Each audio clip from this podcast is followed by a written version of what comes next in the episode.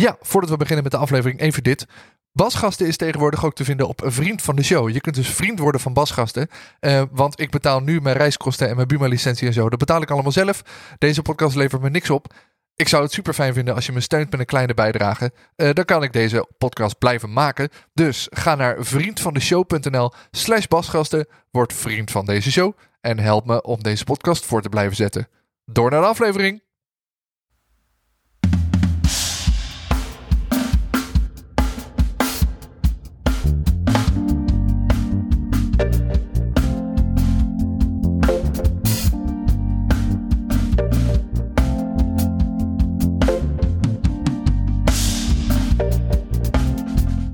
Ja, dit is weer een nieuwe aflevering van Basgasten. Mijn naam is Hidde en in deze podcast ga ik in gesprek met bassisten over wat ze drijft, welke spullen ze gebruiken en welke mensen hen inspireren. Basgasten wordt mede mogelijk gemaakt door de bassist, het magazine voor de Nederlandse en Belgische bassist. En in deze aflevering hoor je Paul Belgrado. Paul is een van de fijnste basbouwers van België en maakt waanzinnig mooie instrumenten. En ik wil natuurlijk alles weten over hoe die basbouwer benadert en hoe hij er ooit mee begonnen is.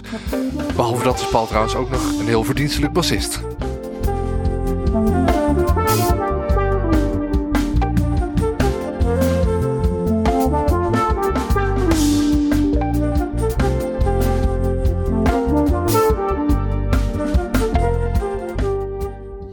zo moet wel goed komen, denk ik. Oké. Nou, fijn Paul, dat ik in je atelier mag zijn. Welkom. Ja.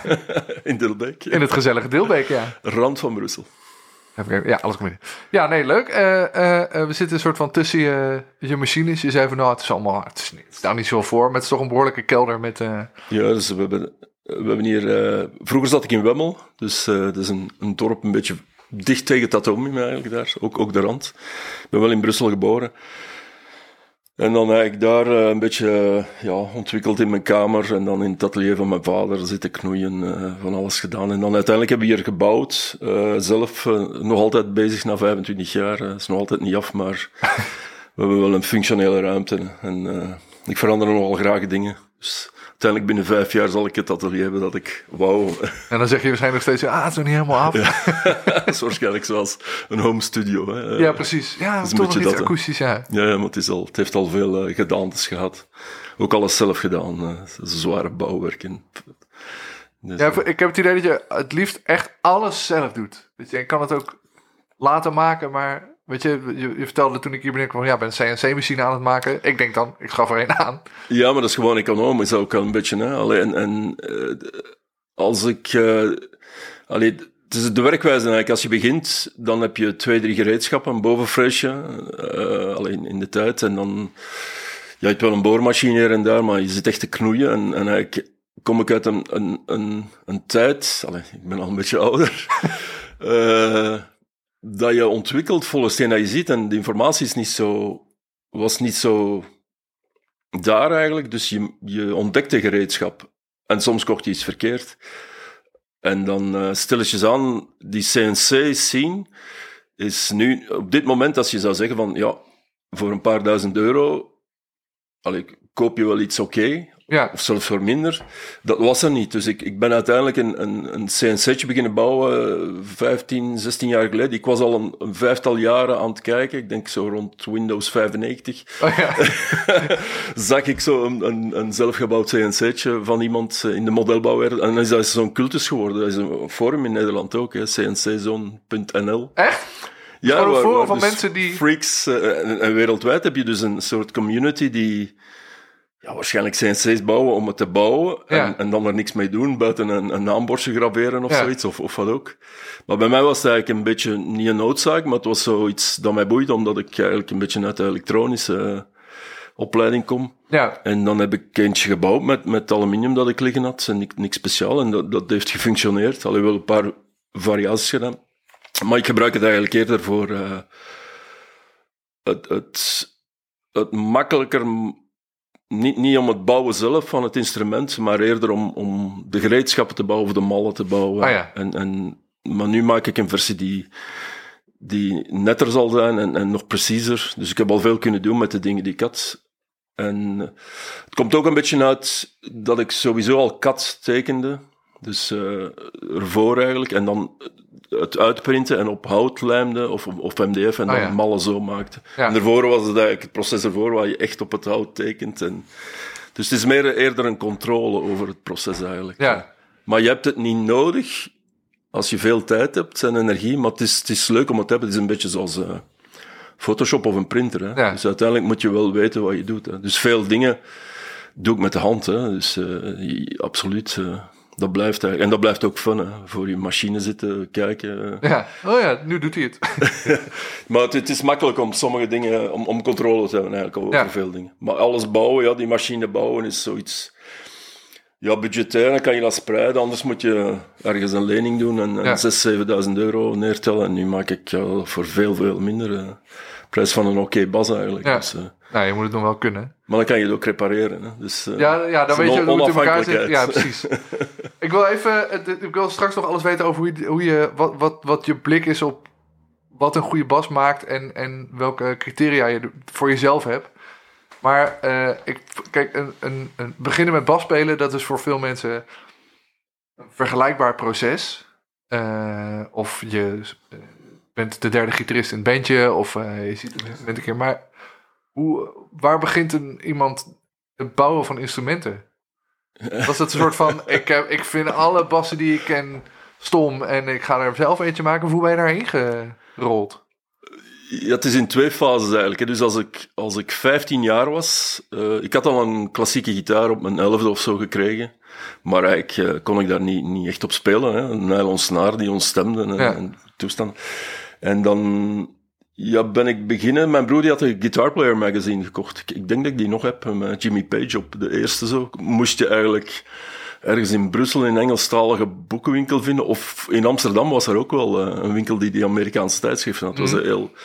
En daar dan in gebladerd. En mijn broer, die had dus... Ik was 15 jaar, ik deed elektriciteit, eh, opleiding, denk ik.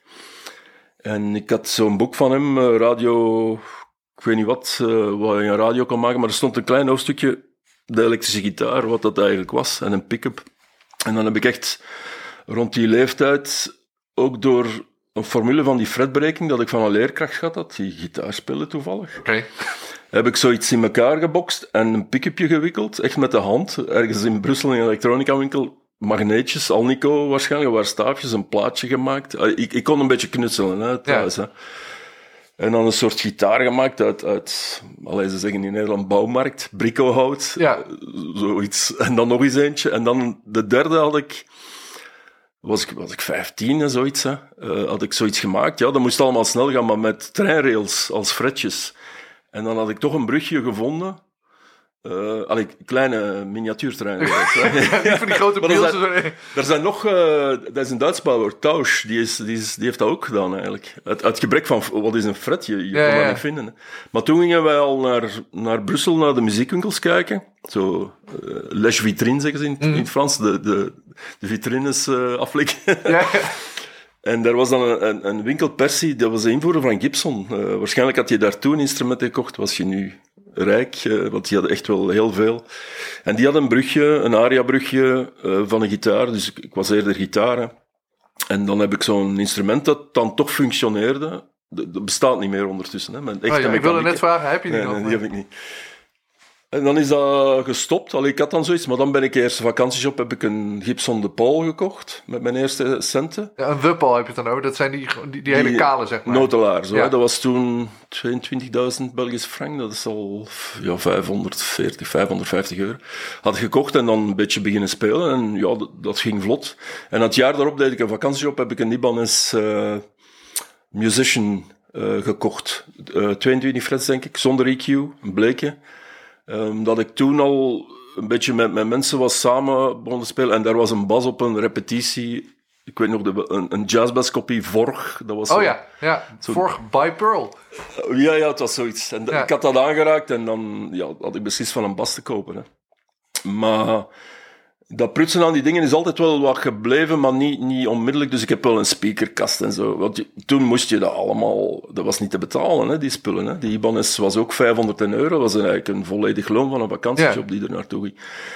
En... eh, dan ben ik achteraf wel meer beginnen spelen, de eerste optredens en zo. En dan heb ik wel eens een Precision, een eind 70s gehad, op de kop getikt voor 250 euro. Was, was eigenlijk geen goed instrument. En daar ben ik op beginnen customizen. Een, een, het was toen, ik kwam badassbrug, Ah, omdat ja. Jeff Berlin daarop speelde. Ja. Heb je er ook een jazzbells pick-up bij gezet? Nee, dat niet, maar wel eh, zo een soort uh, achteraf, Di Maggio humbucker zo, dat ik in, in Londen trok op niks eigenlijk. Uh, maar die, die bas was eigenlijk niet, niet goed. Maple neck met, met een heel uh, logge E. En uiteindelijk heb ik die ja, het een beetje zitten lakken en toestaan, met, met heel weinig kennis. Hè. En dan is dat gestopt, dan heb ik ja, meer gespeeld eigenlijk. Uh, ook hier en daar, een beetje in het buitenland zo, een, een, top, top 40 circuit kunnen spelen. En dan heb ik uiteindelijk uh, een, een, een Steinberger gekocht. Oké. dat was toen echt... Alweer een avontuur. ja, op mij, uh, dat zicht... Uh, maar dat was... Ik heb dan een beetje, al een paar maanden professioneel gespeeld. En ik had die Steinberger... Iedereen... in het Brusselse had je, had je Alain Goutier, was eigenlijk een verkoper in, in, een, in een winkel, de belangrijkste winkel. Niet, niet zo'n mega-winkel, Euromusic. Een goede bassist ook, hij heeft nog bij Arno en zo gespeeld. En die, zij deden de invoer van Steinberger. En ja, dat was echt een bas die heel aanwezig was. Uh, Ja. Dus Satsi Giorgio speelde, i- iedereen had dat, uh, Nicolas Visman, denk iedereen op dat moment.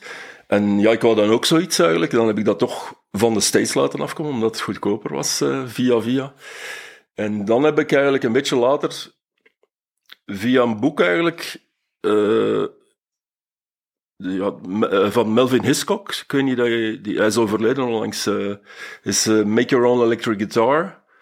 Is eigenlijk een soort eerste goede boek eigenlijk. En eh, zoals Frank Diamel in, in Duitsland is daar ook mee begonnen eigenlijk. Dat was echt zo drie instrumenten dat ze bouwden. Een, een Telecaster-achtig, een Les Paul-achtig ding. En een bas. Zo in mooi hout, geolied. En dat is eigenlijk de, de push geweest om, om te zeggen van wow, allee, dat waren simpele foto's, maar toch veel meer informatie. En dan ben ik, eh, heb ik een soort Steinberger-achtig ding gemaakt, de eerste. Zo'n roeispaan, zeg maar. Ja, zo echt het, om- omdat ik een rein had, met, met een headstock met vier mechanieken omgedraaid. Er waren zo, ehm, eh, waren zo merken die dat deden. En dat was het eerste eigenlijk, met, met een Keeler tremolo op. Oh ja. Maar ik had ervoor eigenlijk een Yamaha BB1000, had ik, en daar had ik al serieus op geëxperimenteerd. Ik had die laten erfretten bij iemand. Ik ga geen namen noemen. Niet op de opname in we zaten toen een beetje in de, met, eh, Geert Maaschalk, eh, die, die ik al heel lang ken eigenlijk. Ja. eh Wombatboter voor Zeker. de mensen. Voor de kenners. In, in de tapping toestanden en, en zo de, de 80s. eh allee, Zeg maar waar Geert nu nog steeds een beetje in zit. ja, ja, zit er. ik, ik, en, en ja, ik had dan die Yamaha BB1000, wat een leuke bas was, maar ik heb die zodanig gemodifieerd dat die eigenlijk ook niet meer bestaat. ik heb die dan herfret ook en, en zo'n dingen. Allee, ik heb Hij, wel- hij, wa- hij was al een keer herfret en je dacht... is Zoals wel er. Fred, maar die, de standaard voor die persoon toen, allee, dat was zo, ik, ik zei, ja, kan het heel laag, hè, want we willen dit doen. En die zei, ja, moet, zeker als je wilt dat het niet ratelt, dan moet het 7 mm hoog zijn. actie van 7 Ja, mm? maar dat was een beetje een, allee, ja, toen ik reputeerde bouwer, allee, of, of toch, de, ja, dat was een van de, ja, be- beginsituaties hier zo van, dat was nog allemaal nieuw, hè. En dan ben ik zelf beginnen knoeien, een stukje palissander gaan halen, zo, en dan, uiteindelijk heb ik zo, dat eerste basje dat ik dan echt maakte, dat Steinberger ding, ja, dat werkte wel. Maar dat was zo een stuk hout bij de houtbewerker gaan halen en dan laten schaven bij inlijmen. Al, eh, ik had dan een bovenfreesje, eh, zelfs met een, een wipzaag, hoe, hoe noem decoupeerzaag, Ja? omgekeerd gemonteerd op een tafeltje. Ik had geen lintzaag. Zo heb ik mijn eerste drie, vier bassen gemaakt eigenlijk. En de tweede was een soort status kopie met een headstock, een vijf snaren. Met select pickups op, denk ik. En dan de derde was eigenlijk een voor Geert. Ik had dan toen gezegd van, zit, ik wil wel iets maken. En dat was eigenlijk een, een soort headless met twee status pickups die ik op de kop had kunnen tikken via status. En, en die had wel een, leuke sprankeling zo. Allee. Dat was zo van, wow. En dan ja, ben ik verder beginnen doen, maar altijd...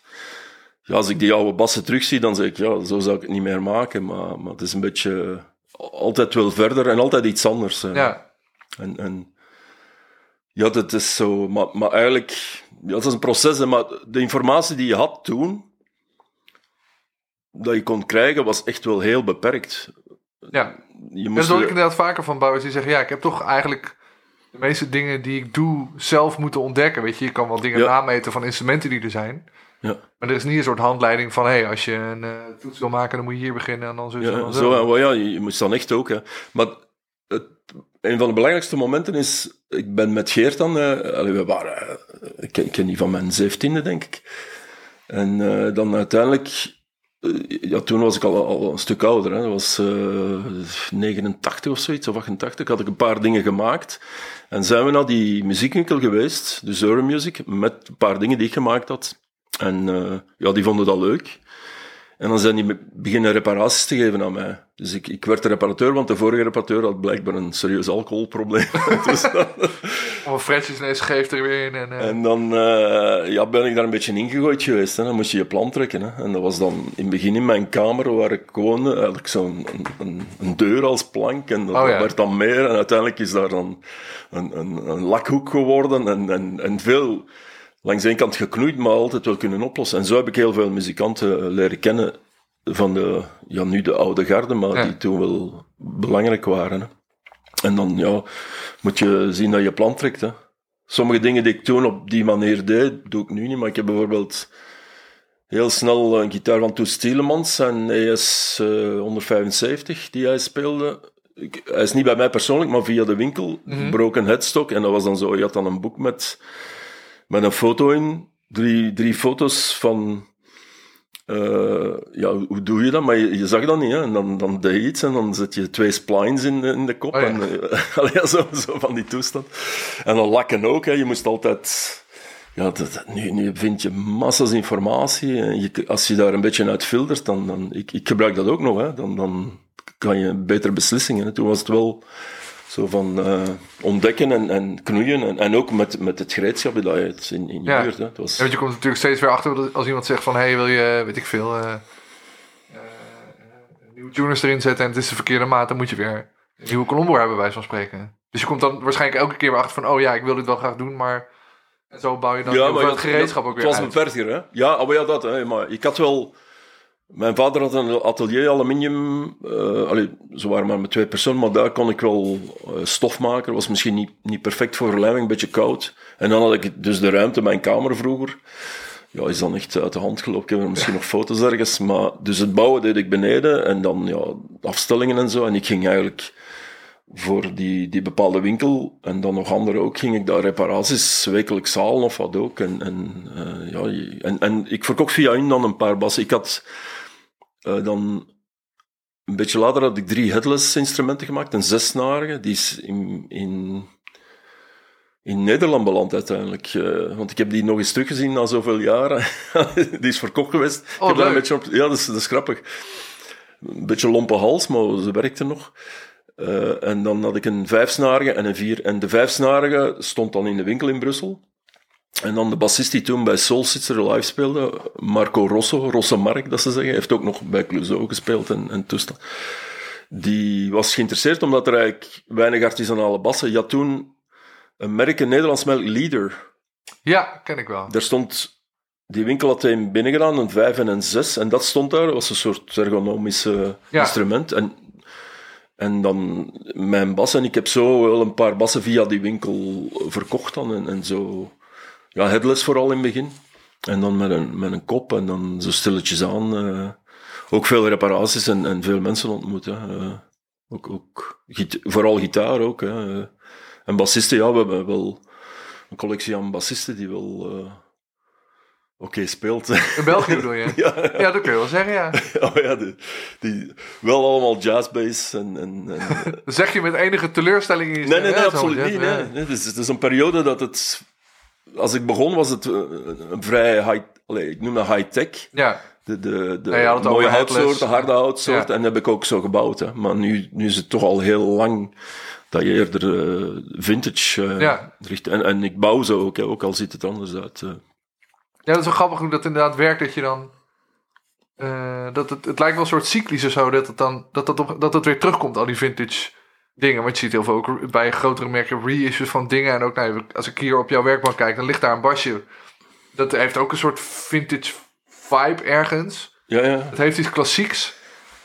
Ehm, hoe, hoe- was, het, is, was dat een soort, soort omslag? Of dat je, dat je ineens...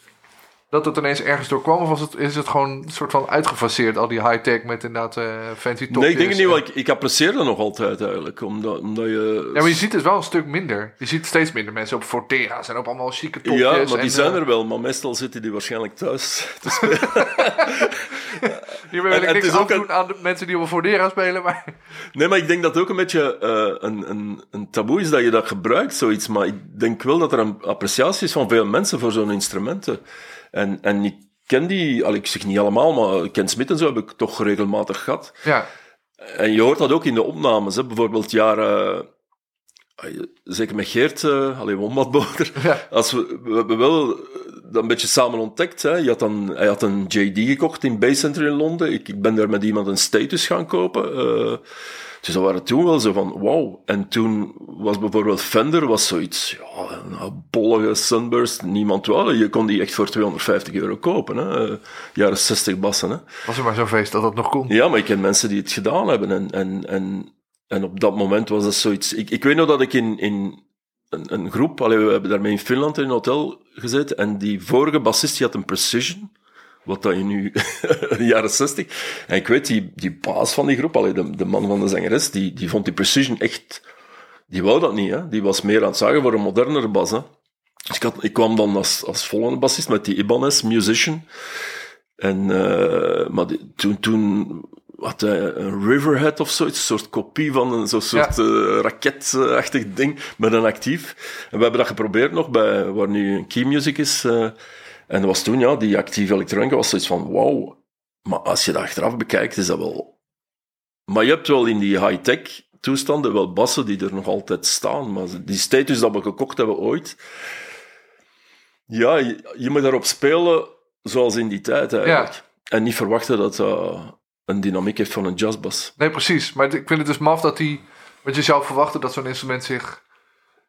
Dat heeft zich zeg maar tot en met, laten we zeggen, halverwege de jaren tachtig is dat zich heel erg gaan doorontwikkelen met snaren en met frets en met Ja, ja. preamps en dat soort dingen. En dat, dat hele, die, dat, die ontwikkeling van nieuwe dingen op een instrument, dat is in, in mijn beleving zo rond het jaar 2000 een beetje Ja, het zal zoiets... gekomen. Ja, ja. En nu speelt iedereen, bij, bij wijze van spreken, iedereen gewoon weer ten aanstekens op een Fender. Of op iets wat er op gebaseerd is, met passieve elektronica en simpele uh, dingen. Vind het toch een, een, een wonderlijke ontwikkeling, hoe dat een soort van, oké, we hebben nu alles geprobeerd en nu gaan we weer terug naar wat het was. Ja, maar, maar uiteindelijk zijn die ja. Voor mij hoeft het niet oud te zijn. Hè. Het is een stijl eigenlijk. Ja. want ik, ik heb. uh, allee, het is minder, maar ik heb toch allee, onlangs nog drie jaren 60 jazzbassen voor iemand uh, allee, onderhoud gedaan. Een een pick-up gewikkeld die stuk was. En ze waren, het was een, een 65 denk ik, een 66 jazzbas en, en nog een oudere. Hè. En alle drie compleet verschillend. Qua Ja. hals, qua dynamiek, qua respons. En zelfs in die drie, ik, allee, ik, ik speel ook vrij fysiek hard eigenlijk, Ja. maar ik kan het ook doseren. Dus ik kan mij inleven in iemand anders zijn speelstijl. Allee, ik denk dat dat een beetje mijn sterkte is, om, om te kijken hoe iemand speelt en dan Ja, afstellen naar, naar die richting.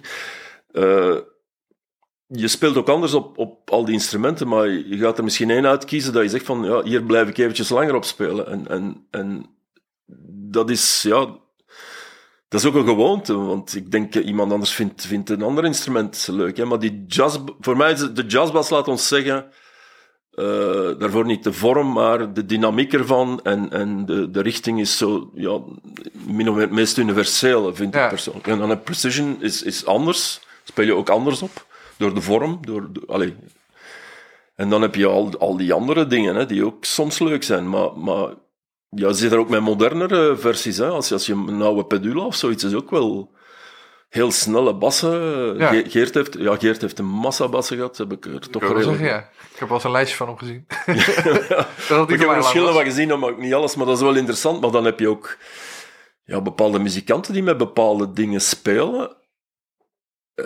Ook modern en niet modern. En, en dan ja, ook, ook wel heel toffe dingen mee doen. Hè? Absoluut. Hè? Ken Smit eh, heb ik ook van Evert Vrees. Heeft Ja. een, heel lang op een Ken Smit gespeeld. Had een deal ermee.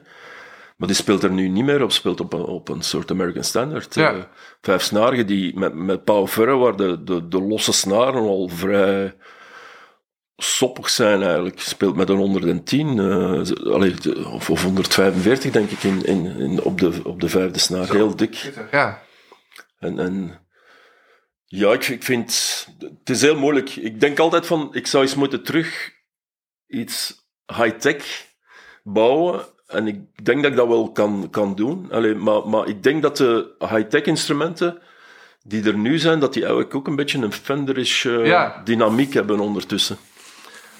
Heeft misschien ook te maken met gewoon wat mensen verwachten of zo. Die hebben gewoon een soort, Ja, die willen een basgitaar horen en denken, ja, dit, die, die, zeg maar, die oude dynamiek, dat is wat het is. Ik denk dat dat toch wel de, een beetje de zachtheid. Allee, ik zeg niet dat, dat ze soft zijn, maar zo.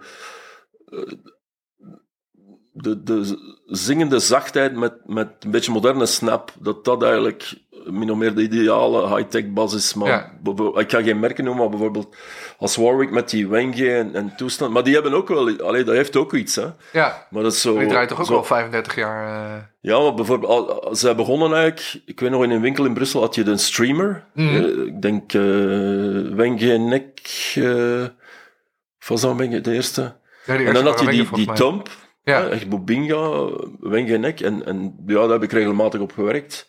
En ik heb ook wel eens iets in Bobinga gemaakt. En dat is zo ja, een heel gecompresseerde dynamiek eigenlijk. Als je daar licht op speelt en je zet je versterker goed luid, dan, dan heeft dat wel iets. Hè. Dat is bijna een sample. Hè. Zoals Ja. Steinberger ook, waarop ik Ja. gespeeld heb. Is, is, dus ik, ik, ik, kan, ik kan die dingen wel herkennen tegen misschien iemand die nu start en die alleen Fender heeft. Alleen zoals veel jongeren spelen daarop. Die gaan dan niet appreciëren hoe, hoe die oude bassen Nee, eigenlijk... precies. Dat is het denk hoe ik die inderdaad ook. respons is. Ja, Maar er is wel leuke muziek mee gemaakt. Hè. Dat kun je wel zeggen, ja. Alleen in, de 80s ook, ook al is het een beetje eh, Simmons en eh Ja, maar ja, het, het, het klopt wel esthetisch allemaal bij elkaar. Of zo. Want je hebt Ja, als, als je die dingen terug luistert, dan denk je, ah ja, dat is dat. Of, of want Steinberg bijvoorbeeld, er zijn nog altijd mensen die het gebruiken, omdat die heel, heel present is in, in de mix. Hè. Nou, ik moest een tijdje geleden, een paar jaar terug, speelde ik hem met een UB40 tribute. Toen heb ik zo'n ding geleend, want ja, dat Ja, wordt zo. Ja, die had Dan. een heel... eh, ik denk de Police ook, die derde plaat, is ook veel Steinberg, denk Ja, ik. Dacht ik zo, die, dat knorrend strak eh, van die brugpick-up, die dubbele humbucker, Ja, had wel iets en dan zo'n soort actief dingetje. Maar na een tijdje ben je dat ook beu, die dynamiek vooral. ja. Is misschien, misschien een beetje veel of zo. Ja, Nee. dat, dat was ook zo. Ja, ik noem dat een sample eigenlijk. Zo. Ja.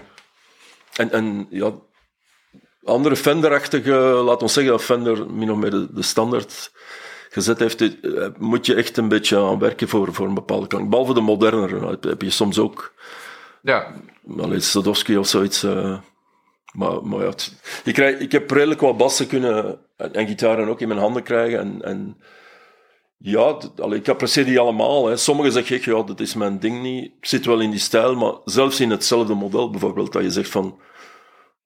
Of ze is nog niet ingespeeld. Of, of ja, het is, het is gewoon ja, weinig muzikaal. eh. ja. Soms is een exemplaar gewoon niet goed. Wat, wat, wat- wat zeg je? Soms is gewoon een exemplaar niet goed. Dat je denkt, ja, Ja, dit is maar gewoon misschien niks is voor het mij. ook soms dat ze moet groeien. Hè? Je Ja. hebt dat ook, eh, als je een nieuw instrument bouwt, is dat ook... Ik, ik speel daar meestal een halve dag op.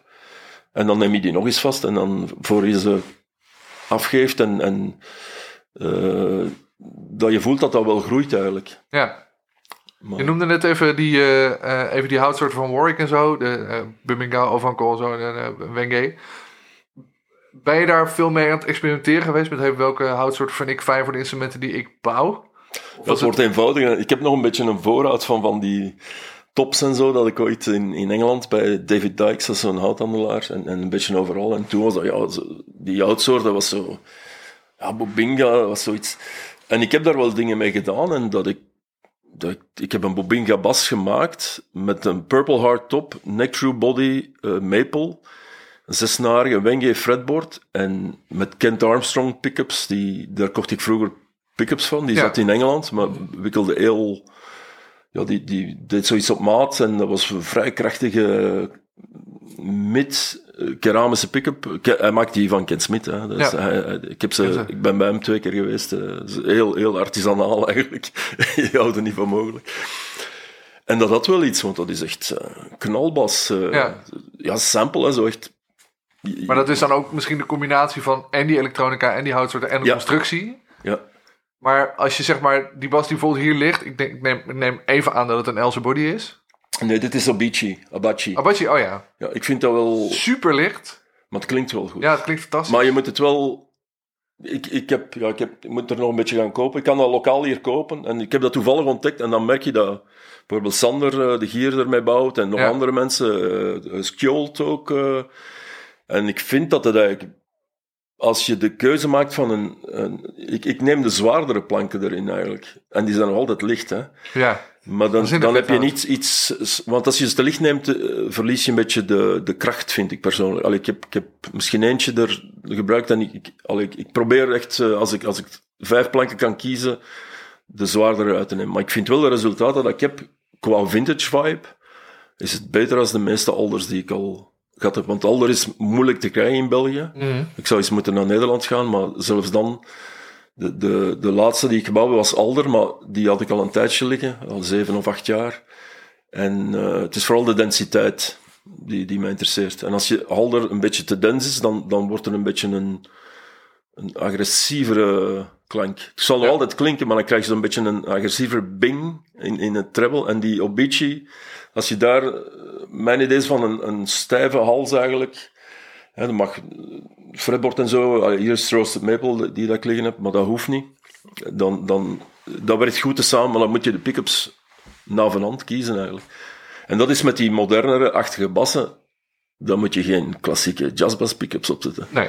Dan moet je dan ook iets opzetten. Dat, dat, of zoals EMG is in, in de tijd. En dan zit je in een andere sector, hè, voor metal en zo.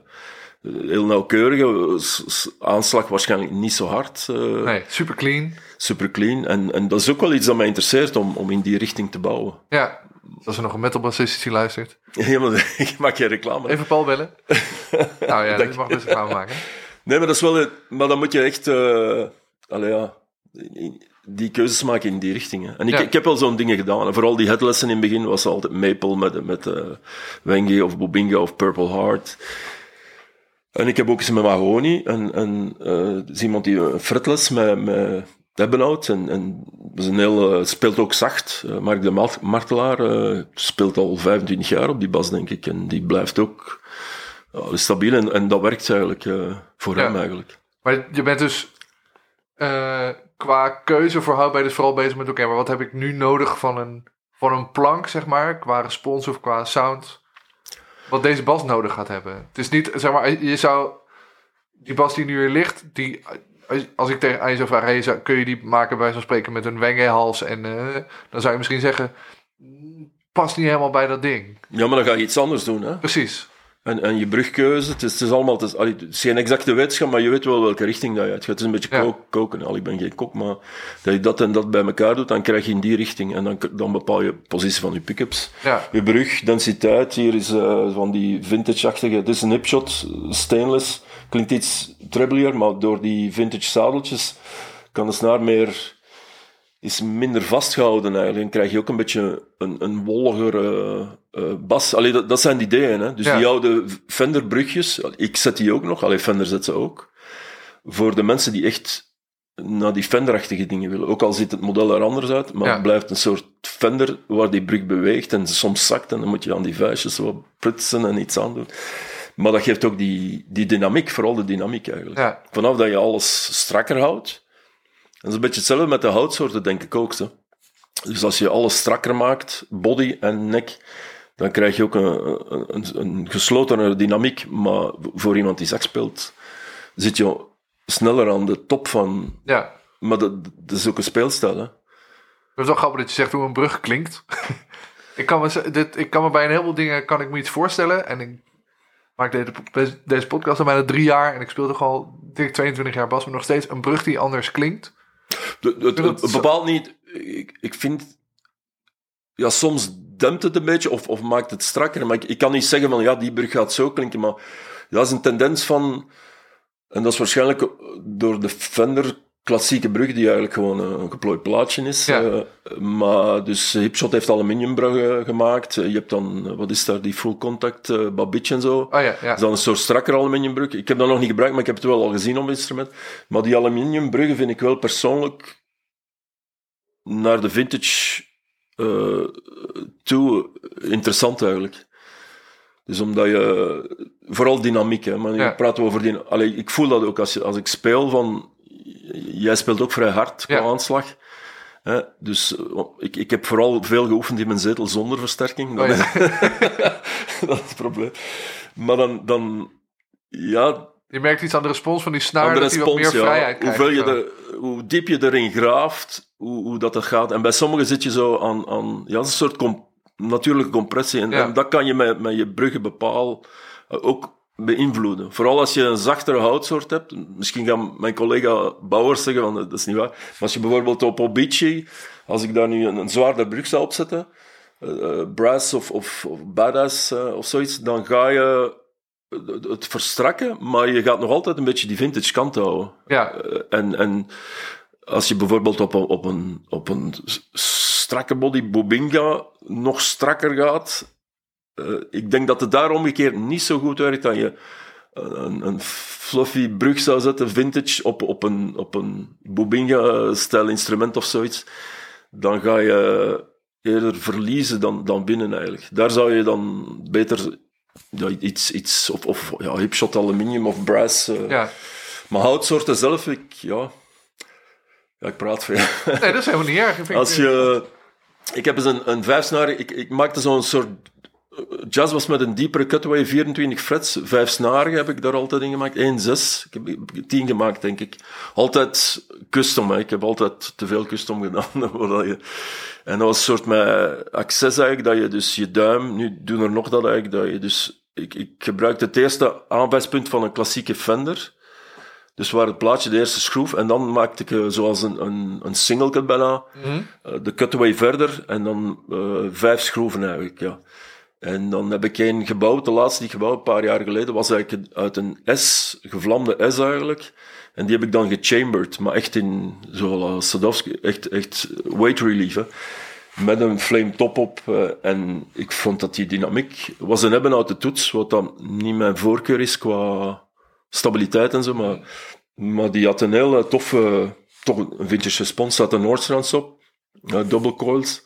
En toch had je zo'n soort eh vijfsnarige jazzbas, die toch een jazzbas was eigenlijk, maar Ja. met een iets modernere touch. Ook al was die houtsoort verschrikkelijk zwaar en hard, maar door het uithollen krijg je een soort eerder crisp vintage. Daar zit zoiets iets in het mid, ja. maar toch heb je een vintage respons. En dat is iets dat ik wel wil doen met de houtsoort die wij hier hebben. Zo experimenteer daarmee. Misschien in die short skills, dat, dat je niet strakkere E krijgt of zoiets. ja.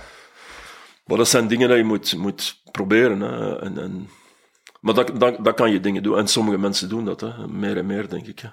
Terwijl ze vroeger in de 80s gewoon de zware houtsoort volledig Ja. gebruikten. Ik had toevallig vorige week iemand bij mij over de vloer die had een.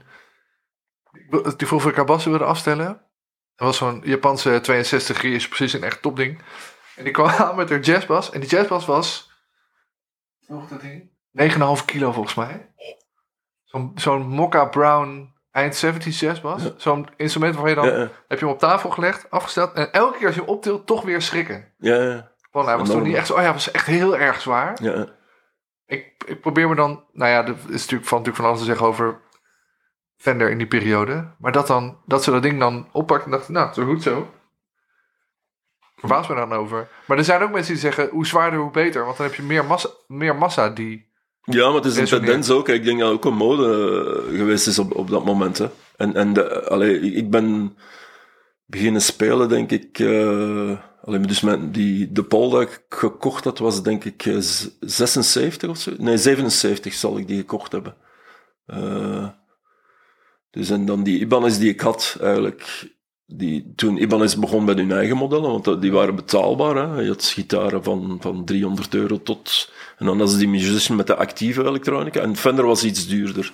Een Precision, die slechte dan dat ik dat gat heb achteraf. eh, waarschijnlijk was dat dat. En dan had je die bruine eh, bassen die nu terug cult zijn. En Ja. gitaren ook. Toen was dat zoiets van, ja, wat, wat is dat? Maar die Ibanez was ook niet zo licht. Hè. Dat was, was een soort voorkant. Ik had een Blake eigenlijk, die van bassist van U2 speelde ook op zoiets. Met volume, volume. een toon en dat was een top, een soort Japanse S, denk ik, met een kern in mahogany. De achterkant was ook uh, back. Ja, ik heb die dan uiteindelijk, die is dan fretless geworden en dan heb ik ze terug gefret. en dan, ja, ik weet niet waar ze nu is. Maar op dat moment, ja, je, je kent ook alleen dat, hè. Ja. En dan, dan, ik vond die Yamaha BB1000 bijvoorbeeld, die ik dan in occasie gekocht had, een beetje later, vond ik wel een verbetering naar die uh, Ibanez toe. Het was levendiger, het had een soort jazzbasklank. Mm en, en mechanieken waren trokken wel op niet veel, maar wel een brede hals. Maar ik weet dat ik daar wel, wel op geëvolueerd ben eigenlijk. En ik heb, ik heb een jaartje jazzstudio gedaan. Uh, en toen speel ik er op dat instrument. En Michel Giorgio kwam, gaf toen les. Allee, hij, hij, heeft dan een ongeval gehad, uh, half jaar, en kon er niet meer verder. En dus die had een Steinberger. Die had waarschijnlijk een deal. En dat was zo van... Die Steinberger op een Roland Cube. En dat was een knalklank. Uh, zeker wel Fusion. Hè. En zo. En toen, ja, daardoor heb ik dan achteraf, alleen een jaar later, een Steinberger. Maar die Yamaha was eigenlijk ja, wel een, een, een leuke bas om op, op te spelen. Maar er was, dus, er was dus nog niet... Kijk, nu heb je het dan over die Apache dat, dat weegt niks. als hij was drie kilo's... Jammer was ook niet zo zwaar. Hè? Het was een neck body, maar, maar was een soort, uh, ik, weet het niet, een lichte S of zo, of, of Alder, ik, ik weet niet meer, ik heb ze uiteengezacht. Je was waren volgens mij S-doorn, maar dat weet ik niet zeker. Maar, ja, kan, maar je hebt, in S-doorn heb je ook lichte Ja, precies. Maar je was dus, je had, ik heb het idee dat, dat, dat, dat, dat die fascinatie met zo licht mogelijk, dat dat ook best wel recent is of zo. Dat is recent en ik vind ook wel uh, zo, dat is echt de, instrumenten gaan wegen, of, of als er iemand vraagt, ja, het moet zoveel kilogram zijn. Al, ik moet nu een short scale voor iemand maken in Frankrijk. Vrij smalle string spacing, 15,5 tussen de snaren. Dus Heel klein, ja. Ja, maar die speelt op een Hofner, dus hij oh, heeft ja. uh, fysieke problemen. Maar ja, die zegt, ja, mijn bas weegt zoveel kan je daaronder? En ik heb dus al zitten een bodytje wegen dat ik liggen heb, en dan zo de componenten. En ik zeg, ja, ik kan daar zitten ongeveer. Maar dan moet ik nog wel zien dat, dat ik een klank heb. Hè. Ja. Dus ik ga een beetje dingen... Al, ik, ik, normaal ga ik ze starten. Al, het is gebaseerd op een vast model dat ik heb. Dus de, ik ga gewoon een andere nek bouwen erop en een beetje alles aanpassen. Maar ik vind het soms dat ze te veel zeggen van ja, het moet zoveel zijn of het is niet goed eigenlijk. Ja, precies. En, van mensen die zeggen, ja, ja ik zie het toch regelmatig mensen die een instrument verkopen dat zeggen, ja, hij is weet ik veel, 4,8 en ik wil niet, geen bas hebben van zwaarder dan 4,5. Ja, natuurlijk is dat... Ik doe maar willekeurig getal, Is dat wat stevig, maar dat kan wel een leuke bas zijn. Hè? Ja, nee, precies. En, en, en dat is het ook, hè. Het is... Het is uh, ja, maar je, je tracht toch altijd in die richting te gaan. Maar bijvoorbeeld met die Obici, ik zou ook niet te licht... Ja, ik, ik heb het je gezegd, ja, die, als, als die te licht is, dat kan wel een leuke bas geven, maar dan wordt ze braver eigenlijk. Ja. Of je moet er een top op lijmen dan ben je me... Allez, voor mij, als je een hardere top op een zachte auto, je moet zien dat je geen uitstingsverschillen hebt. Dan moet je zien wanneer dat je lijmt ook. Dan kan je iets interessants krijgen, want dan krijg je je subs en, en je soort mid van, van die basis. En die top kan een beetje articulatie geven. Allee, en, en dat zijn interessante dingen dat je kan doen, maar ja... het is grappig dat je dat zegt over die tops, want er zijn ook wel mensen die zeggen dan top, ja, dat is zo'n dun laagje fineer. Dat maakt echt geen zak uit voor je klank. Want het is gewoon die body, dat maakt ja, gewoon... Ja, zien welke densiteit, hè. Als je nu bijvoorbeeld... Uh, ik had zo eens een, een zesnarige Fodera-achtig ding op aanvraag gemaakt. Dat, dat doe ik niet meer, maar bijna een exacte kopie. Allee, ik voel me altijd... staat op mijn privé Facebook, maar dat is plagiaat. Ondertussen is die bas... Was dat eerst in Antwerpen... Uh, en dan is die in Frankrijk beland en nu is ze terug in België. Dus ik, ga, ik heb ze nog eens teruggezien. Alles is stabiel na zeven of acht jaar. Uh, zesnarige, Ziricote, fretboard. Uh, en daar heb ik een, een uh, ashneck, Europe Europese ash dat ik liggen had, die stabiel was. Met dan een soort half neck through body, alleen je ziet het niet. En dan een walnut body en een top in myrtle. Ja. Dus dat zijn allemaal houtsoorten. Allee, die ash is een beetje steviger, maar eigenlijk ook niet in de hoge densiteit nee. zwaar. En hij klinkt die vrij clean, maar, maar aangenaam zacht eigenlijk. Allee, niet, niet. Maar dus als je... Ik vind wel als je... Ik, ik heb zoveel... Uh, allee, veel, ja. Neck bodies gedaan met top op mahogany en dan soms is met iets anders. En de dikte van je top, vooral in die harde houtsoorten, hoor je wel dat het iets doet. Uh, ja. En, en moest je nu op alder een top lijmen, gaat het wel...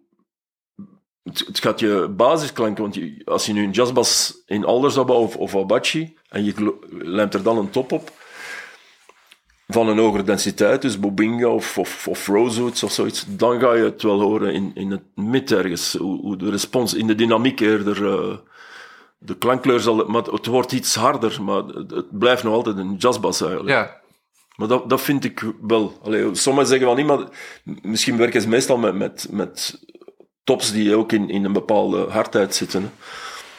ja dat het dan Dat het dan... op de, eh, body, op de, op bodyhoud lijkt, zeg maar. Ja, ja. Zo, zo denk ik. Zeker als je in, in die traditionele eh, constructies zit. Hè. Ja, Wat dat de meesten nu toch doen, ook al ziet het anders uit. eh. ik denk... het eh, idee is toch vaak ja, dat- redelijk tra- relatief traditioneel. Ja, de meeste offset bassen kan je zeggen van dat is eigenlijk ergens een, een soort. Je zit op een jazzbas standaard. Ja, denk dat je voor de luisteraar even moet uitleggen wat een offset body is. Eh, ja, gebaseerd op, op, op, laat ons zeggen, de opwangpunten van een jazzbas. Hè. Ja. Ik- Wie, wie zit daarin? Ja, ik denk eh, MT, zijn in ieder geval niet- MTD bijvoorbeeld is eigenlijk ook een offset. Hè. Allee, zo- zo'n schuine bas, hè. Een Ja, beetje. ja, het is gewoon zo, eigenlijk een instrument met een soort van... Als hij een beetje schuine onderkant heeft, Ja. dan spreken wij over offset. Ja, zo noem ik ze. Allee, Ja. ja. dus Maar ja, maar- het staat natuurlijk ook op... eh er hangt hier een jazzbashals en staat ook op... Volgens mij staat er een offset contour body. ja, ja, staat, ja, oh ja, Dacht ik, ik noem het zo. Ja, nee, volgens mij. Ik ga dat nu bekijken. ja, dat is een eh, Japanse. Hè. Nee, nee, dat- of, of, of een... Ja, offset contour body. staat- Ah ja, zo, hè, voilà. dat wist ik nog niet. ja, maar dat dat is ook een ergonomisch. Allee, Ja. Sommigen gaan, gaan er veel verder in. Hè, en, en dan, eh, maar, maar er blijft een soort. Als je een goede jazzbas hebt en, en de kop is niet te zwaar, bijvoorbeeld. Dan, dan is dat wel een aangename bas om te spelen. Maar je speelt ook op een bepaalde manier. Als je een precision aandoet, Ja, al ik ben vrij groot, dan ga je ook anders spelen. Die is, die is ook minder virtuoos, laat ons zeggen. ja. Je gaat, Allee, ik ga veel minder spelen. Ja, nee, maar dat, ik denk dat, dat, dat de meeste luisteraars dat ook wel herkennen. Ja. Eh, als je meerdere bassen hebt, je speelt op elke bas echt anders. Ik Ja, heb ja. mijn Dingwall bij me. Ja, als ik, daar speel ik helemaal niet op wat ik op een jazzbas zou spelen. Ja, ja, Terwijl het toch een klein beetje op elkaar lijkt. ja. Maar eh, ja, het is ook een beetje offset, hè? lichtjes. Hè? Allee. ja, er zitten, er zitten uh, enkelspoelselementen op een soort van jazzbasachtige space. Ja. Net een beetje anders. Maar eh, Maar, maar het zijn ook gewoontes natuurlijk. Hè? Het kan Ja. als, je, als je een Gibson Grabber of Ripper of zoiets... Ja, je, je ziet dat niet zo vaak, maar dan heb je ineens ja, iets totaal anders. Hè? Ja. En dan, dan ga je ook... eh, Nou, dat ook qua dynamiek en zo. Hè? Ja. En, en dan ja, heb, je- heb je de andere, Ken Smits en zo, maar... Ja, ik sta open voor veel dingen. Hè. Al, ik, ik kan ergens een soort kwaliteit in, in veel dingen appreciëren ook. ja, En, en, en ik, ik heb geen vooroordeel van dit is slecht of dit is goed. Eh, je, kan, je kan echt soms heel eenvoudige basjes hebben die, die, waar je iets leuk kan uithalen. ja, Maar als je dan toch in de categorie Fender zit, of, of Fenderish, dan, dan ja, zijn er zo bepaalde dingen dat je verwacht eigenlijk. Ook al zijn er in die jouw bijvoorbeeld, zijn ze allemaal verschillend. Hè? Ja. En zijn er daar ook bij dat je zegt, ja, die dynamiek is een beetje hard of wat ook. eh. en, en dat is dan leuk voor één stijl, maar... En dan heb je er ook die, die veel te soppig zijn, die, dat je alleen blues mee kan spelen of zoiets. eh. Allee. ja. Ook lekker, hè? ja, maar een beetje beperkt. Dat vind ik sowieso ook wel gaaf. Ehm, waar ik ook nog wel benieuwd naar... Want er zijn... eh, kijk, het, het, het, het bouwerswereldje is best wel... eh, complex. Of best wel... Best wel eh, er zijn er best wel veel. Zeker zo in, in, in West-Europa ken ik er al best wel Ondertussen veel, een aantal. Die allemaal goed zijn. En toch op de een of andere manier krijgt, krijgen al die mensen het voor elkaar om een soort signatuur te hebben. Van hé, hey, ik ben. En, en, en ook al ben je super veelzijdig als maker, kan je altijd wel een soort van. eh, definiëren of soort van determineren van oké, maar als ik zo'n soort instrument wil hebben, dan moet ik die hebben. Of moet ik iemand anders hebben. Ben je daarmee bezig met wat voor een soort uitstraling jouw instrumenten hebben? Of ben je vooral heel erg bezig met wat iemand heel graag wil? Eh, ik ben daar nu wel mee bezig. En mijn bedoeling is eigenlijk ook al, ik ben nu 59 jaar, stilletje aan moet je een beetje je, richting. Maar ik heb eigenlijk altijd, ik heb niet zoveel gebouwd. Vroeger deed ik er een 12 op een jaar, maar met een heel pak reparaties. heb dan ook nog een beetje in, in, in, voor een groothandel en zo gewerkt, toestanden. Een beetje in het onderwijs gestaan, soms hier en daar, maar altijd blijven verder doen. Eh, maar ja, de reparatie is leuk om te overleven, maar, en je leert daar heel veel van, maar na een tijdje, dat is een beetje zoals al- altijd, ik heb niks tegen coverspelen, maar je, je wilt je grote band maken, Ja, en, en je blijft eigenlijk, ja, ze vragen je nog eens, kom nog eens een koffertje spelen, of dit of dat. En eh, nu heb ik wel een idee van wat dat ik zou willen doen, en ook niet eh, alles, zie je? Ja. Dus vroeger, ik heb zelfs uh, Chapman-achtig stick eh, gebouwd, um, tapping-instrumenten voor alleen mensen die vrij... Zo, zo in, in die richting gegaan. Uh, ook een elektrische viool, ik ging een kwartet maken en zo. zo. Ja, zo... Je vliegt daarop, hè. je bent Ja. enthousiast, zeker als je jonger bent, en dan, dan ontdek je dat. En dan, maar je hebt... eh, al, ik ga nu ook terug een bepaalde gitaar in dezelfde... Maar ik, ik wil wel een, een, een stem hebben, een richting. Maar daar Ja. kan je wel in variëren. Hè. Allee, zoals, zoals mijn collega's in Nederland en zo hebben ook keuze in, in hun pakket dat ze aanbieden. Maar de- ik denk dat, je, dat het ook belangrijk is dat je je specialiseert in een bepaalde richting. En daar ben ik nu mee bezig, ook technisch, hè, want dat is een heel onderneming. Sommigen beginnen daar vroeger mee, vooral de jonge generatie hebben al vlugger zo'n bepaalde stem. Ik kom uit, een- uit een periode waar ja, je, wist niks en je, je probeerde maar en je probeerde nog iets en je, nam dat mee. Je modifieerde instrumenten van mensen, dus ik heb ook veel daaruit geleerd. Van goede instrumenten of slechte instrumenten beter te maken of een nek bij te werken of wat ook. eh. Dus maar hetgeen dat ik nu wil doen is echt wel... eh we zitten nu met de covid een beetje, een beetje vertraging, maar bepaalde stem. Hè, en, en dat je die richting uitgaat en dat je dan toch een paar variaties kan doen. Dat je, en Ja. kan je parallel eigenlijk, zou je nog iets anders kunnen doen. En bijvoorbeeld headless of zoiets is, is ook wel... Maar je moet zien dat je het een beetje beperkt, dat je niet Ja. weer eh, de, een snoepwinkel of, of, of de nachtwinkel wordt van... ja, precies. Dat je weer een voordeur aan het namaken bent. Nee, maar dat is ook... Ik heb, ik heb twee single cuts gemaakt, één opgevezen en, en één was dan mijn eigen model. En dan denk ik, ja... Dat is, dat is zo precies zo, als je bouwt, dan verwacht ze van, ah, je moet een archtop gitaar bouwen. Ah, Ik heb, ik heb hier nog één liggen, dat ik eens me afwerk. Maar dat zijn zo dingen, ah ja, dat is zo... Dat moet je een keer gedaan zoals- hebben. Ja, maar, maar eigenlijk is het, vind ik persoonlijk ook al, allee, dat basje hier, de dingen dat ik nu doe zijn vrij eenvoudig eigenlijk. Maar ja, je probeert dat dat echt wel correct aanvoelt. En dat is persoonlijk ook natuurlijk. Ja. Maar je zo eigenlijk een beetje je, je kennis dat je hebt en dat je dat samenvoegt in een bepaalde richting. Dat is een beetje zoals in muziek, hè, denk ik. Hè. Ja. Dat je uiteindelijk ook niet de, de persoon bent die alle stijlen speelt, eh, wat dat je misschien kan, maar dan toch eigenlijk je eigen eh, composities maakt en, en toestanden. Hè. En dat is een beetje het idee, en, en de, de volgende tien jaar ga ik, ga ik dat zeker doen. Hè. Maar het, blijft een kleine markt en je moet zoeken. Ik heb wel wat contact in het buitenland. Allee, sommige van mijn collega's, zoals eh, Nicola Adamov, die, die staan er een heel pak verder in. Hè. Eh, allee, die, die hebben echt hun, hun circuit en, supermooie dingen. En, en ook technisch, maar zitten ook wel in, in een bepaald... Ja. Beperken ook, hè. we hebben er al over gepraat. eh, en, en Sander ook. Hè. Doet wel experimenten daarnaast. Een mooie, supermooie gitaar gebouwd. En om, ja, je moet ook een beetje iets anders kunnen. Hè. Dus Ja. je kan altijd... Maar het, het leuke aan, aan de bassisten is, en dat is altijd geweest, dat is altijd wel een opening vanuit de bassisten geweest voor iets anders te proberen. Ja. En niet gewoon vast te zitten. Allee, dat is wel een Fender-ding, maar ze hebben wel keuzes gemaakt. Bij de gitaristen heb je dat ook, maar toch blijft dat vrij. Als het dat niet is, en dan Dat is grappig dat, dat gitaristen daar wat conservatief, conservatiever Ja. lijken dan bassisten. Die zijn toch meer van...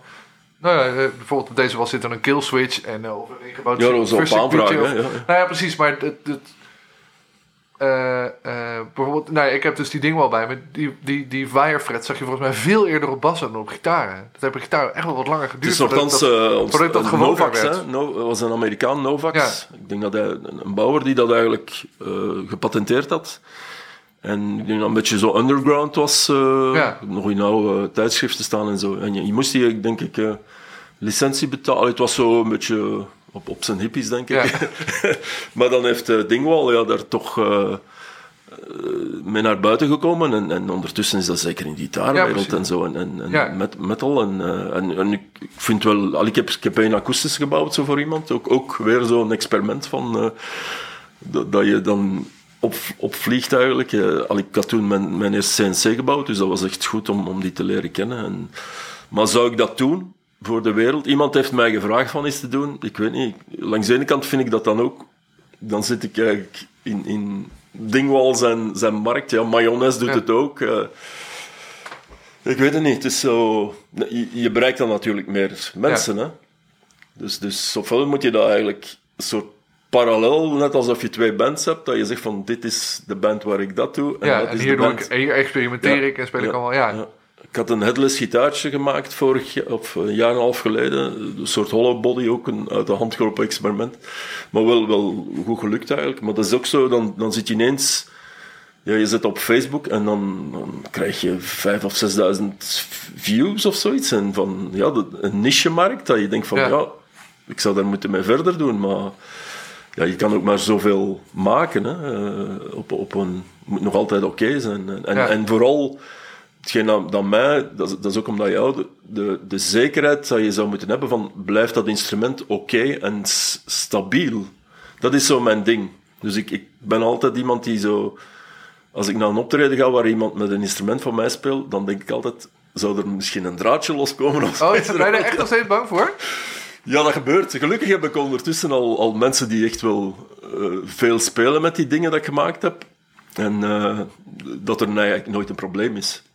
Allee, dus dat, dat geeft wel vertrouwen, maar ik, ik denk daar wel altijd aan. Zo van, Wat, wat gebeurt er als er nu een fret uit de toets springt? Nee, of dat een niet. draadje los? Of, nee, maar eh, dat zijn, zijn die, dat zijn al- allemaal van die kleine dingen dat je zegt van, dan moet ik erin bouwen. Dus er zijn veel details dat, dat de buitenstaander misschien niet weet, maar dat je doet uit je ervaring van reparaties te zien waar er iets fout mee is in een Ja. bepaalde situatie. En dat je dan ook zegt van, dit doe ik, dat werkt voor mij. Ik denk dat de meeste bouwers dat doen na een tijdje.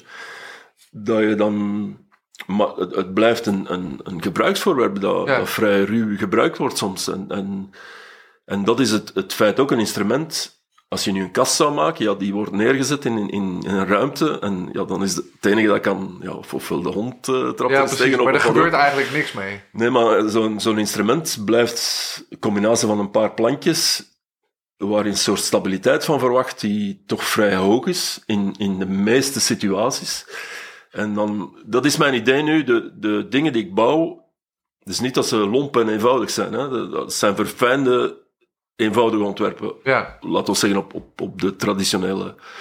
En dat werkt wel, denk ik. En ik denk dat er veel collega-bouwers ook in die situatie... En de ene maakt er al fancier dan de ander, maar uiteindelijk is, is de bedoeling van een, een, een werkinstrument te maken, eigenlijk. Alleen voor mij toch niet, niet Ja. zo aan... Je mag het aan de muur en die het over tien jaar ook nog steeds doet.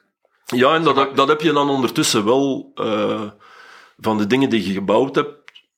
En je kan ze ook altijd repareren, maar je weet wel dat je hier en daar misschien is een dingetje, een trussrod die niet zo goed werkt, omdat je op dat moment een trussrod kocht van, van een bepaald merk, dat je dacht van... Maar dat, dat je zo beslissingen maakt van, ja, dat neem ik en dat werkt voor mij. Ja, En dat je, dat je dan... Allee, ik heb ondertussen toch al... Ja, ik ben van 90 officieel begonnen. Dus dat is, dat is 31 jaar nu. Dus zelfs die eerste instrumenten zijn er nog altijd die, die functioneren. Hè. Sommige hoor je niks meer van. Ik heb zo'n bas ooit via een winkel eh, aan twee... Toen, toen was dat vrij zeldzaam. eh, eh, uit Wit-Rusland, die dat gekocht heb. Ik heb die ja. nooit gezien. En dan een paar jaar geleden op Facebook is er iemand die mij zo een bericht stuurt. Een foto van die bas. en die zit in Oregon. wauw. en dat was zo van... ah, en, en ik vroeg, is het nog oké? Het was zo'n Neck True Body, hè, met Purple Heart, dacht ik. En blijkbaar was het nog oké. Hij heeft dan een filmpje even gespeeld. En dat was van... Oh, ja, ja, die heb ik 30 jaar geleden gemaakt. Vet. Ja, maar ja, toen, toen bouwde ik... Ik heb nog met carbon en zo in, in de hals. En hij zo'n soort carbonnen trussrod-achtig. En van die dingen dat je zegt, dat doe ik nu niet meer. En, en ja, soms doe je iets dat je zegt van, ja, maar, maar dan fix je dat ook, hè. Maar nu, dingen die ik nu maak zijn opgevezen halzen. Eh, niet, niet dat de rest niet goed is, hè, absoluut. Maar dat je zo weet van, ik, ik kan het altijd oplossen, of zelfs wel op afstand. Hè. Ja, Dat is de bedoeling, dat je een soort support kan geven. Eh, en ik, ik heb dat in, in COVID-periode, eh, ja, iedereen zat, zoals in Nederland nu, in lockdown, Ja. zelfs een strenge lockdown. En waar een paar mensen, ja, zoals deze ook, eh, actie was, was, ze is twee jaar en oud eigenlijk, eh, bij François Garnier.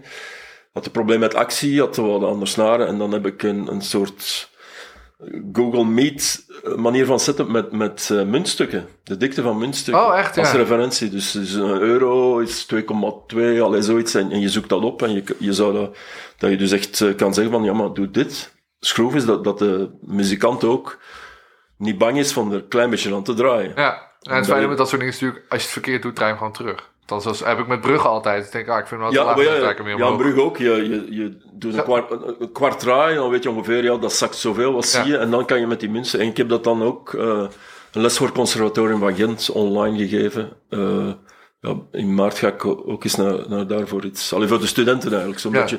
En dat is mijn basisidee van de, de instrumenten die ik maak, moet er leuk uitzien. En je, je werkt ook niet alleen voor, voor echte muzikanten die altijd bezig zijn, je werkt ook voor mensen die gewoon graag mooie instrumenten kopen en daarvoor Ja. misschien niet zoveel spelen.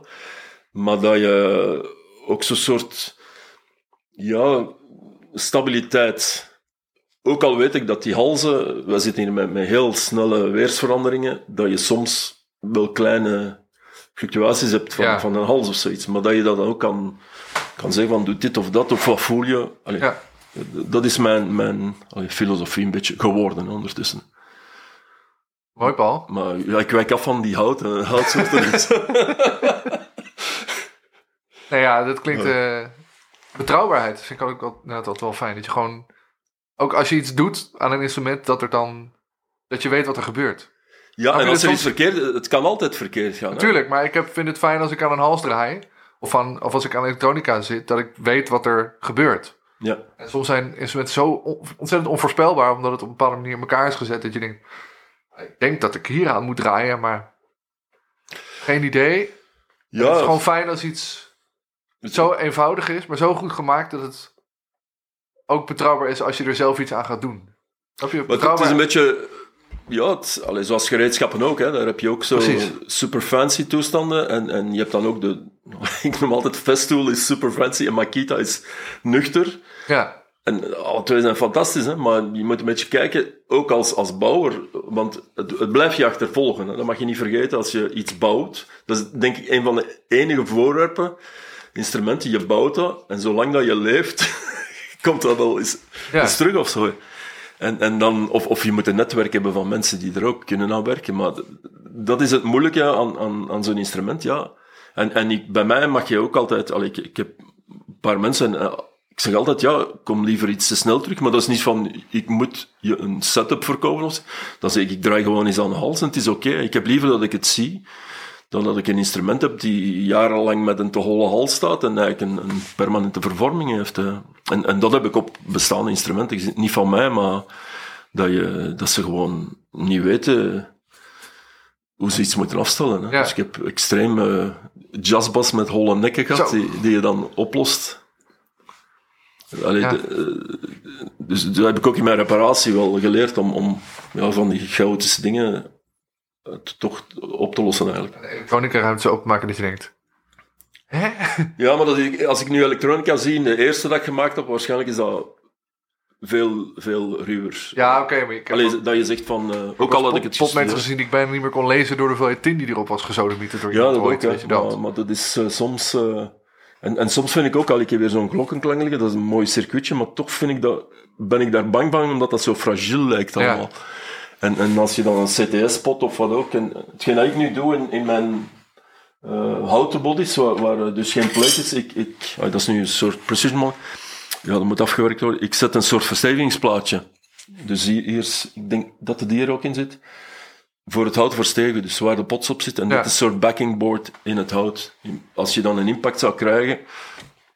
Je gebeurt er toch- niet zoveel. Ja, ah, zo heel eenvoudige dingen. Ja, maar ja, Misschien gaat een purist zeggen, ja, akoestisch gaat dat de, in- de klank beïnvloeden, maar zijn... ongetwijfeld. Je kan het ongetwijfeld meten.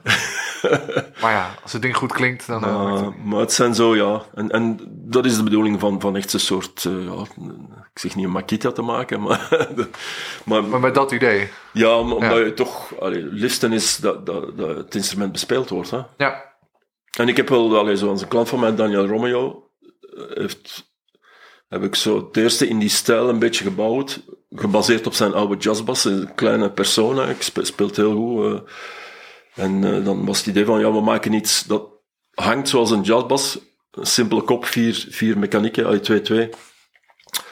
En die klinkt eigenlijk zoals een oude jazzbas, die eerste die ik gemaakt heb. Dat was een Alder, lichte body, één piece, en dan heb ik een tweede gemaakt. En nu zit ik aan, aan zes in, in de... Maar die zal, ja, die sleurt aan mee. En die gaat met één bas optreden in, in Frankrijk bijvoorbeeld. Een hele tour. Heeft maar één bas bij, geen reserve. En tot nu toe heb ik Het geen werkt, probleem ja. gehad. Dan, eh, maar het is ook een jazzbas eigenlijk. Hè. Ja. Twee- drie potjes en een jack. En, Dat kan ik kapot houden, weet je wel. Behalve Ja. als hij van het podium valt, niet zoveel. ja, ja, ja, dan vervang je zijn mechaniek of zoiets. Hè. En dat, dat is wel alleen geruststelling, dat je fancy, moeilijke dingen zou doen. preamp kan je niet even, weet je, potmeter is meestal ergens of vandaan te halen of te bypass, op te bypass of weet Ja, of als je push-pull, ja, ja, ja, zo. Dus eh, voor het ogenblik maak ik liever passief, alhoewel dat, dat ik wel actief doe. En eh ja, dat is een keuze, hè. Allee, ja. ik denk... Ja, je bereikt daar ook een bepaald publiek mee, hè. Precies. Hey Paul, ik vond het heel inspirerend om hier te zijn. Ik, ik praat nogal veel. Nee, maar dat is helemaal niet erg. Dat vind ik, eh, Kunnen uren doorgaan. Ja, dat, eh, dat had ik zo kunnen doen. Ja, dat, dat we ook zo... eh, als je hier een conversatie met een klant hebt... Hè, meestal komen ze hier, al ik doe zo'n persoonlijke Ja. service. Meestal blijven ze te lang hangen, maar, dat, maar heb je soms van die conversaties dat bijna absurde humor lijken. Ja. En dat, dat iemand dan later binnenkomt en dan... wel- Welke taal spreken jullie eigenlijk? Ja, maar dat gaat zo over nuances of... of Ja, Allee, ik, ik doe een, als ik een afstelling doe ook voor iemand, eh, zoals Michel of zoiets, eh, of Geert, dan, dan doe je zo een heen en terug, een paar keer heen en terug. Je hebt het afgesteld, je hebt de fretrest gedaan of wat ook, Ja. en dan ga je echt heen en zeg van, dat oké, je denkt dat. Ik heb ooit de bas van Stanley Clark eh, afgeregeld in de ICP, een paar jaar geleden. Allee, dat is de laatste anekdote. ja dat is een prima anekdote. Dus ze bellen me. Al- Ik deed soms wat werk, niet, niet veel, hè, maar die, die hebben een heel ehm, mooie collectie van rariteiten eigenlijk. En dan, ik wist dat hij ging komen. Ik, hij ging met zijn, zijn jonge band daar. eh, dus hij was daar, maar... Dus die zijn, zijn piccolo, of, of hoe noem je het, eh, bas... eh, hij had een contrabas en dat, maar hij had een, een Franse tour manager, zo'n jonge gast met dreadlocks. En die zei, ja, zijn instrumenten zijn echt niet in orde. Dat is echt een ramp. Hè. Dus die kwam een week in de ICP. En dus eh, zijn contrabas hebben ze iets opgelost. Bill, Bill Funk, die is ook al eens vernoemd geweest. die doet daar een beetje de tech. Eh, allee, die, die kan dat. En dan, eh, ja, die bas ook. Ik krijg die in mijn handen. Geen kapje van de trusrot. Die nek stond zo hol als iets. Dus springschans Ja. eh, effect. Hij had zelfs geen reservesnaar bij, die moesten nog afkomen. Jack was kapot, die vijf pins XLR, maar dat heeft Ja. Bill dan vervangen de dag erachter. Maar ja, hij was bezig aan het repeteren met zijn muzikanten, dus hij komt dan af eventjes. Ik zeg, ja, dit, dat. Ik zeg, ja, je trusrot staat helemaal los. En hij zegt, ja, maar ik gebruik dat om een soort Oh, vibrato-effect ja, ja, ja. maar ik zeg, ja, dat blokkeert allemaal. Hè. Die actie, ik zeg, als je wilt, doe ik een fretters. Ik had mijn gereedschap bij, zo dat dingetje en, en de, de vuilen en, en schuurmiddelen. Dan doe ik een fretters en hij zegt, ja, het is oké, doe maar. Hè. En dus ik, werk twee, drie uur aan die fretters. Hij was dan nog aan het repeteren en hij komt dan af. hè. Heel, heel zag er wel gezond uit, maar toch, toch nerveus, want die, blijkbaar was hij zijn, zijn jonge muzikanten aan het lesgeven hè, op Oh, dat ja. moment, hè, voor, voor de opname. En dan, eh, ja, ik had het af, hè, en, en ik laat hem spelen, zo akoestisch, en die speelt vrij hard, maar schuin zo. Ja, hij speelt een soort Ja, contrabas. echt zo, eh, ja. En, en ik sta voor hem zo, en ik zeg, is het oké, rammelt het niet te veel? En eh, hij slaagt, hij zegt, to buzz. Hij zegt, Oh ja. en dat was wel grappig en blijkbaar was hij blij. En ja, ik heb, ik heb, eens, nou, ik heb er geen contact mee of zoiets, hè, maar, maar hij heeft eh, die opnames vlot gedaan. Maar, maar dat is ook zo, je hebt daar zo het idee van, want die stond in, in dat eerste magazine, Guitar Ja, Player toen, ja. als, als zijnde de, de bassist gekozen, hè, toch op niveau van Pa- van Pastorius. Hè. Allee, de andere richting dan. Ja. Maar je hebt zo soms een idee van, ja, dat moet echt wel, dat moeten maniakken zijn qua, en, qua afstelling. en dan is dat zoiets van, maar allee.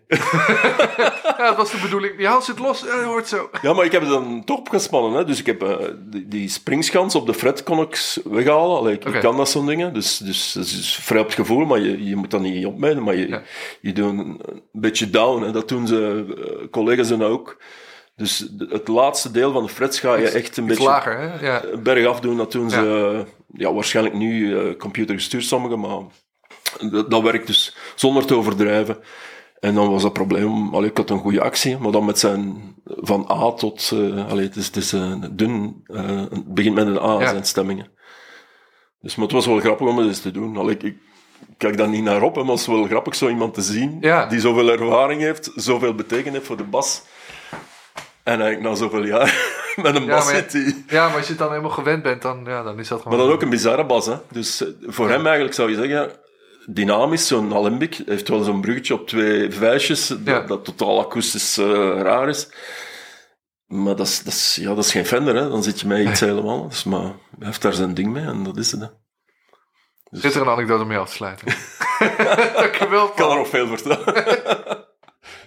Je luistert naar de Basgasten en dit keer was ik in gesprek met Paul Belgrado. Basgasten wordt gemaakt door mij, Hidde Roorda. De muziek die je hoort is van Tyranny Flak. Alle genoemde nummers staan in de Basgasten playlist op Spotify. Check vooral ook Basgasten op Facebook en Instagram. En vergeet vooral niet vriend van de show te worden op vriendvandeshow.nl slash basgasten. En laat een review achter op Apple Podcasts. In de volgende aflevering hoor je Kinga Glik.